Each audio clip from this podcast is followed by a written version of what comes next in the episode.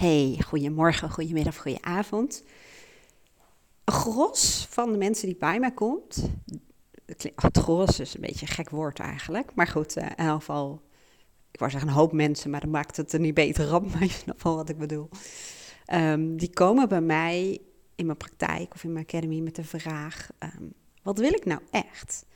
En dit was ooit voor mij een echt super belangrijke vraag en uh, toen was hij een stuk groter dan dat hij uh, nu af en toe is. Want het is wel een vraag die ik mezelf regelmatig blijf stellen. En daar kom ik zo meteen al wel even op terug. Maar jaren geleden was die enorm groot. Omdat hij over, om het maar even zo praktisch te zeggen, verschillende levensgebieden ging. Het ging over werk, het ging over vrije tijdsbesteding, het ging over sociaal en vriendschappen, het ging over mijn relatie. Um, het ging over allerlei dingen. En ik had toen echt het gevoel, uh, ja, dat ik niet helemaal conform mijn eigen plan leefde. Nou, hoe ik daarachter kwam, ten eerste doordat, uh, nou niet ten eerste, dat is niet waar. Uh, je komt er vaak achter doordat je ja, toch niet helemaal gelukkig bent. Het gevoel dat je iets mist of het gevoel hebt dat je veel stress ervaart of heel veel aan het doen bent, maar niet um, de voldoening uit je leven haalt of ja, betekenisvolle dingen doet. Die deed ik wel, maar ik had het gevoel dat ik heel vaak achter de feiten aanliep. En druk was met van alles en nog wat. En uh, nou ja, dat zijn natuurlijk wel tekenen, twijfels. Hè. Is dit wel degene waar ik mee samen wil zijn? Dat zijn wel die mooie gesloten vragen trouwens. Um, maar ik zat op een gegeven moment, ik weet niet meer welk jaartal het exact is, maar uh, in een college van de opleiding communicatie die ik toen deed. Dat was in Utrecht. En die, um, die uh, leerkracht die zei, als je geen eigen plan hebt, word je onderdeel van een plan van een ander. En dit was een les organisatiekunde. En het ging over kernwaarden, maar deze zin die bracht zo ongelooflijk veel bij mij teweeg. Dus als je geen eigen plan hebt, dan word je onderdeel van een plan van een ander. En ik maakte hem voor mezelf nog wat groter door te zeggen: ja, dat gaat dus ook over als je geen eigen droom hebt, dan word je dus onderdeel van de droom van iemand anders. En ik ben toen naar de boekenwinkel op Utrecht Centraal gegaan. Hoog Katerijn is dat volgens mij. En daar heb ik een schriftje gekocht. En daarbovenop schreef ik belangrijke persoonlijke waarden van Wendy Borst. En toen ben ik voor mezelf eens nagegaan, maar wat zijn eigenlijk mijn belangrijkste persoonlijke waarden? En ik heb toen als het ware naast mijn huidige leven gelegd. En ik zag zo ongelooflijk veel contrasten. En hoe ik dus mijn leven leiden conform ja, wat er van mij verwacht werd, denk ik vooral. En wat ik dacht dat dat het was. En ja, en dat maakte voor mij wel duidelijk waarom ik die soort van innerlijke conflicten wel had, om het zo te zeggen, en niet volledig gelukkig was. Nou, dezezelfde vraag, die, uh, die stelde een klant vandaag ook nog. Van ja, die had ook zoiets van, ja, die, die zin die, die raakt me. Maar dan, wat is dan mijn plan? En dat is vaak um, ja, waarom mensen ook bij me aankloppen. Omdat een plan maken, en heel veel mensen zeggen ook beslissingen nemen, keuzes maken. Maar het wordt een beetje lastig als je niet helder hebt waarvoor je het dan doet en wat dan je plan is. En mensen stagneren daar ook vaak. Nou, wat ik destijds in afval heb gedaan, is um, ben echt bezig gegaan. Eerst gewoon met de bouwsteentjes.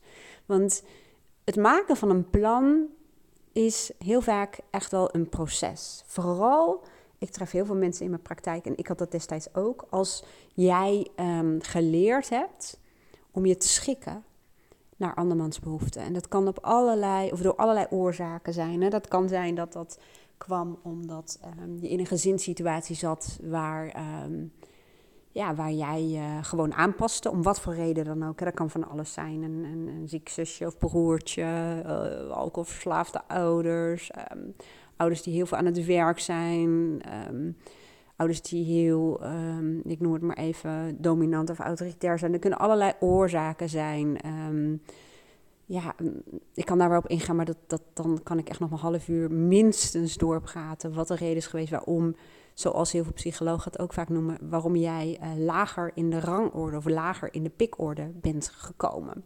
En heel veel mensen bij mij nou van de praktijk, die herkennen het wel. Dat ze wel een soort van sensor hebben, een voelspriet, die gericht is op de omgeving, op de buitenwereld. Ze weten heel goed wat andere mensen willen. En wat de behoeften zijn en, en voelen dat haar fijn aan en kunnen daar ook voor zorgen. En hebben geleerd om niet lastig te zijn en zich aan te passen, niet te moeilijk te doen, niet voor problemen te zorgen. Nou ja, dat soort zaken. Dus dan leer je eigenlijk heel vroeg al, als het ware, af dat die antenne in de eerste instantie een innerlijke antenne moet zijn. Om na te gaan, wat zijn jouw belangrijkste behoeften? Wat zijn überhaupt jouw behoeften? Wat heb je nodig? En in plaats daarvan is die antenne als het ware naar buiten gegroeid en uh, ja, gericht naar buiten. Dus daarom zijn mensen, hè, de meeste zijn hier volwassenen die bij me komen, um, die vinden het lastig, zeg zo, moeilijk, ingewikkeld. Zijn woorden die ze gebruiken om te achterhalen, maar wat willen zij dan?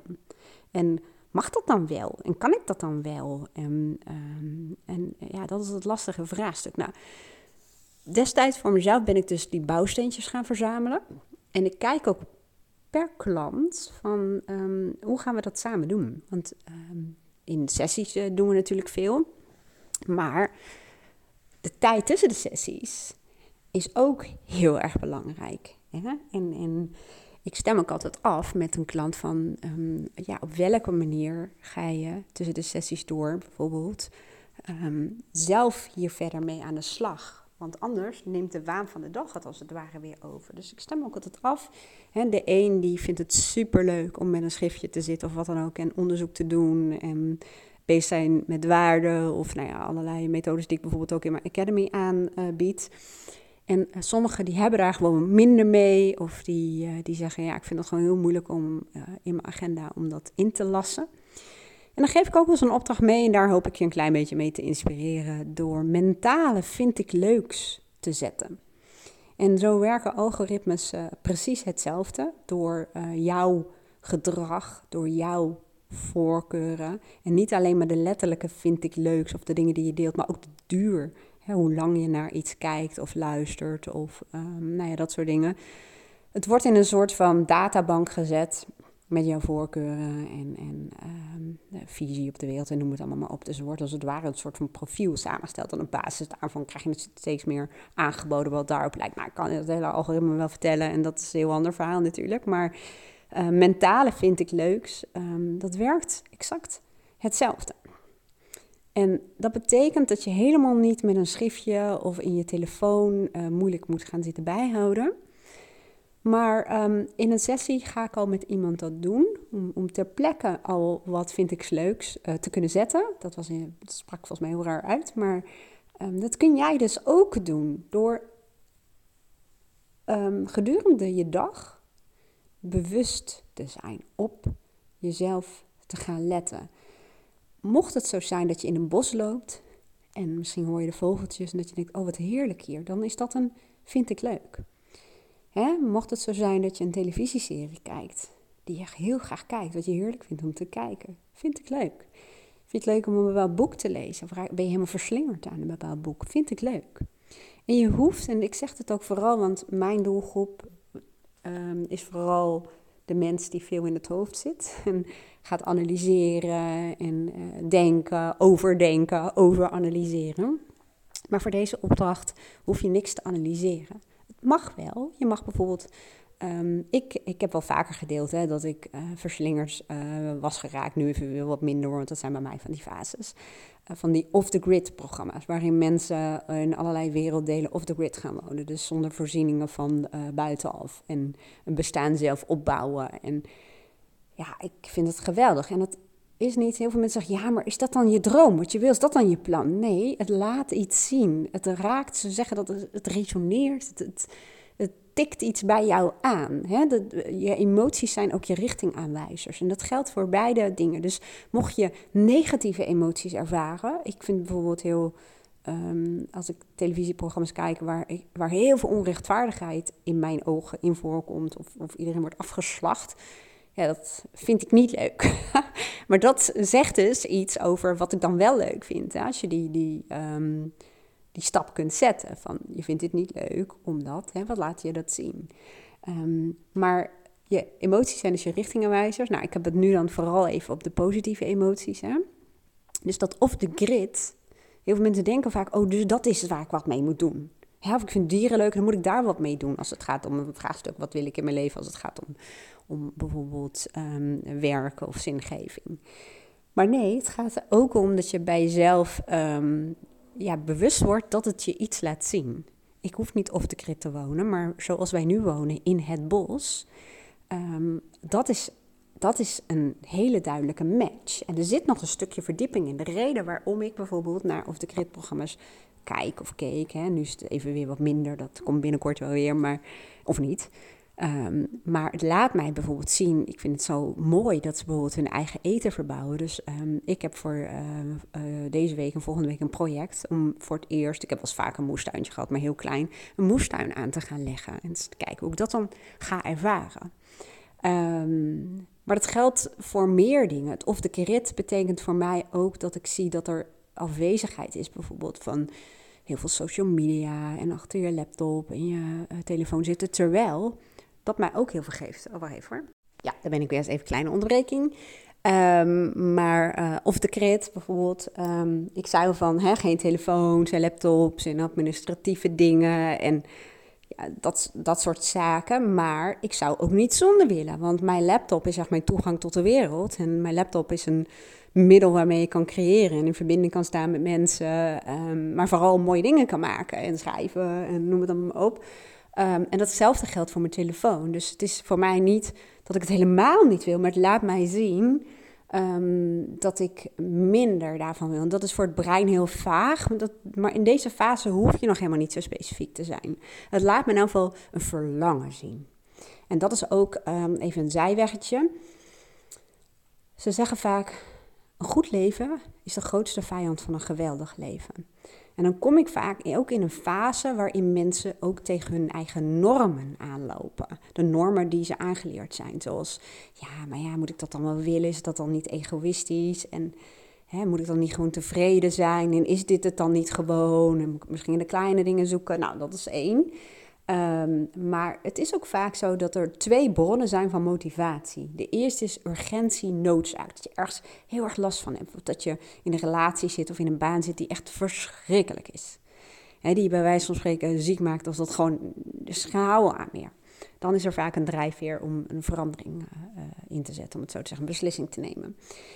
En een andere bron is verlangen verlangen. Verlangen is ook een bron als je daaruit kunt putten. En dat is waar de coaching ook helemaal op gericht is. Uh, soms, tuurlijk, soms help ik iemand met urgentie te creëren, maar ik wil iemand zo snel mogelijk naar verlangen brengen. Omdat vanuit verlangen maak je vaak veel meer heldere keuzes. Um, en uh, het is een veel fijnere energie. En uh, als je daartussenin bungelt, dus er is niet zozeer een urgentie of noodzaak, en er is ook niet zo'n groot verlangen, dan bungel je tussen dat. Dan is het wel oké. En dan kun je heel lang volhouden. Leven lang kun je dat volhouden. En mensen die bij me komen, die voelen dat dat het niet is. Maar die zitten soms nog in zo'n strijd. En die weten het ook gewoon niet. En er is niet echt iets, ja, wat, ze weten nog niet wat ze willen. En of ze het willen. En het is lastig. En beren op de weg. En kan ik dat wel? En wil ik dat wel? Nou, en dan is dit dus, het mentale vind ik leuk proces, een hele goede om kleine bouwsteentjes, informatie, het is gewoon onderzoeksfase. Om onderzoek te doen, informatie te verzamelen over wat straks als het ware in dat plan mag. Of als je nog groter wil in je droom. dus het is, het is ook vaak bouwen, het is een proces. Het is niet een project dat je gaat zitten met je laptop of een schrijfblok en dan hoppa, heb je zo je plan even helder. Nee, zeker niet als je niet gewend bent om bij jezelf na te gaan. Wat wil ik eigenlijk? dat je niet gewend bent dat uh, jij zelf of anderen bezig zijn met jouw behoeften. Maar als je vooral in de pas hebt gelopen of hebt gevolgd, om het zo te zeggen. Maar het feit dat je bijvoorbeeld bij me komt en het conflict ervaart, dat is ook je verborgen potentieel. Je weet, er is meer uit mezelf en het leven te halen. Maar in vredesnaam, wat dan? en hoe dan? Nou, dus de mentale vind ik leuk. Ik zal even wat meer voorbeelden proberen te verzamelen. Ja, er, er is heel veel uit hetgeen wat je doet en um, waar je plezier in hebt, um, wat moeiteloos gaat te halen. Zoals hè, ik um, lees bijvoorbeeld bepaalde boeken. En uh, dat is ook altijd, uh, dat zit een raakvlakken met mijn waarden, met mijn persoonlijke waarden. Persoonlijke waarden is echt voor mij en, en mijn klanten het belangrijkste proces trouwens om mee bezig te zijn. En daar hoort dit mentale, vind ik leuk, uh, spel als het ware ook bij. Ja, dat is een van de onderdelen, want ik, nogmaals, ik stem het af op wat bij iemand past. Um, maar wat nog meer vind ik leuk? Dat kunnen ook momenten zijn, bijvoorbeeld met je partner. Dat je je bijvoorbeeld intens verbonden voelt. Of dat je misschien met vrienden spelletjes aan het doen bent s'avonds. Dat, uh, dat je enorm zit te lachen. Of um, wij hebben wel eens met uh, vrienden dat we hier buiten zitten. En dan uh, sterrenhemel, vuurtje erbij. Um, en Aal die mopperde even dat ik daar takjes in deed. En die vlogen door de lucht, brandend. Niet handig natuurlijk, weet je wel. Dat soort momentjes. En um, ja, mooie gesprekken hebben. Uh, ja, voor mij is bijvoorbeeld familie gewoon super belangrijk. We hebben vorige week met z'n allen gesjoeld, weet je wel, zo'n sjoelbak.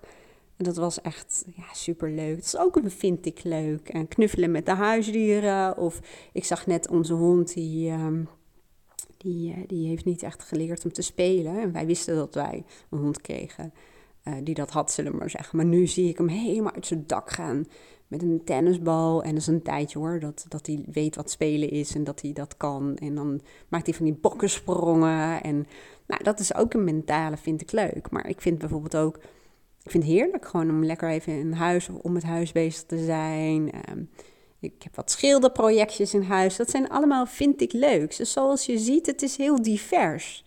Um, en het begeeft zich, om het even zo te zeggen, over verschillende levensgebieden. En je hoeft het echt niet op te schrijven. Ik bedoel, um, ja, schrijven is echt, echt een, ja, een heel helpend proces. Maar heel veel mensen die, ja, die, die willen dat wel, maar het lukt niet en het is druk en die leggen zichzelf dat op. Maar dit doen mag je gewoon doen, zonder dat je het vastlegt, zonder dat je gaat analyseren. Je brein is zo ongelooflijk slim en krachtig en het is zo'n heeft echt zo'n, zo'n, ja, moet ik het zeggen, snelle en sterke processor. Die kan heel veel verwerken en voor je opslaan. Dat heeft het ook altijd gedaan. Daarom ben je waar je bent. Hè? Maar dat kan het ook doen doordat het nieuwe informatie van je krijgt. Het wordt wel opgeslagen in, in je brein. Dus alleen maar dat. Het, kan nogmaals van alles zijn. Een lichtinval, een geurtje, een kopje thee. Maar het kan ook wat groter zijn, zoals het ophalen van je nieuwe auto. Of um, ja, verzin het maar. Verzin het maar. En ja, dat is in mijn beleving, en dat is nou ook wel mijn ervaring natuurlijk um, met mijn klanten en met mijn eigen processen. Een best wel laagdrempelige manier om informatie te verzamelen voor jouw plan, voor jouw droom, voor wat jij dan wilt en wat belangrijk is. En het grappige is ook, en dat is net als met algoritmes, op het moment dat je dit doet, en doe het, ja, doe het, probeer het als een procesje te zien. Niet één dag en is het klaar, maar probeer het gewoon gaande week of gaandeweg de week uh, gewoon af en toe eens te doen. Of misschien gewoon als een nieuwe gewoonte. Dan zul je zien dat je brein ook een soort algoritme heeft en dat het je meer brengt van hetzelfde. Dat noemen ze ook wel reticular activation system. Ik probeer nu twee dingen, twee dingen door elkaar heen te zeggen. Het wordt heel raar. Maar RAS heet dat. Uh, eigenlijk ook een soort filter in je brein. Ik kan het nu even niet meer uitspreken, maakt niet uit. Maar het is een filter in je brein. En um, dat is net als met als je een rode auto hebt gekocht, zie je overal rode auto's, bij wijze van spreken. Dus um, ook daarvoor geldt dat je brein gaat op zoek naar gelijksoortige situaties, dingen, en mensen. En brengt je als het ware meer van hetzelfde. Het is een stukje ja, mindset, als je het zo zou willen noemen. En het heeft ook heel sterk verband met de wet van de aantrekkingskracht, maar je brein werkt ook zo als je richt op wat je wel wilt, wat je leuk vindt, die mentale vind ik leuks, zal het je meer van dat brengen. En de bewijs het in je telefoon, bewijs het op je laptop of wat je ook gebruikt voor apparaat. Elk algoritme zit zo in elkaar. Nou, ik hoop dat je hier wat mee kan, dat je geïnspireerd raakt. Als jij nou zegt, ja, maar ik um, zou wel wat meer begeleiding willen in het proces. Of ik wil het ja, een soort van versnellen. Dat is misschien niet het goede woord. Maar uh, stel dat het heel belangrijk voor je Het is echt een vraagstuk. Um, dan kan het zijn dat je zegt, ik wil daar wat meer mee doen. Nou, allereerst kan ik je sowieso mijn uh, online programma over persoonlijke waarden. Wie ben je echt, wat wil je werkelijk aanraden? Als je hem niet kan vinden, dan uh, nou, heb me maar even. Of als je niet weet wat je wilt, bepaal dan eerst je richting. Dat is een verkorte cursus daarvan, met tien stappen. Hartstikke leuke stappen bijvoorbeeld. Uh, nou ja, dit soort dingen zijn ook onderdeel van. Nou, en als je zegt van ja, maar ik zou dat wel graag uh, met jou willen doen in een coachsessie, dan nou, kijk maar op mijn site. Daar staat ook een online agenda. En als je zegt, maar ik weet het niet, hoe, ik heb even wel wat advies uh, nodig wat bij mij past en wat past erbij waar ik nu ben en wat ik um, ja, graag wil of wat mijn vraagstuk is, dan, uh, nou ja, dan mail of app me. Waarbij ik wel aangeef, um, meestal duurt het wel even een aantal dagen voordat ik reageer. Maar als ik reageer, dan doe ik dat met aandacht, zodat je er ook echt iets aan zult hebben. Nou, nogmaals, ik hoop dat je wat aan had. Dankjewel voor het luisteren. Vond je deze podcast nou waardevol? Uh, mij maak je in ieder geval heel erg blij met een review. Dat kan op Google, dat kan op het podcastkanaal waar jij nu uh, naar luistert, door een um, aantal sterren bijvoorbeeld mee te geven of een uh, stukje review te schrijven. Dat mag natuurlijk ook, wat jij wil. Maar ik ben in ieder geval meegeholpen over algoritmes gesproken. Hele mooie dag en heel graag tot de volgende podcast.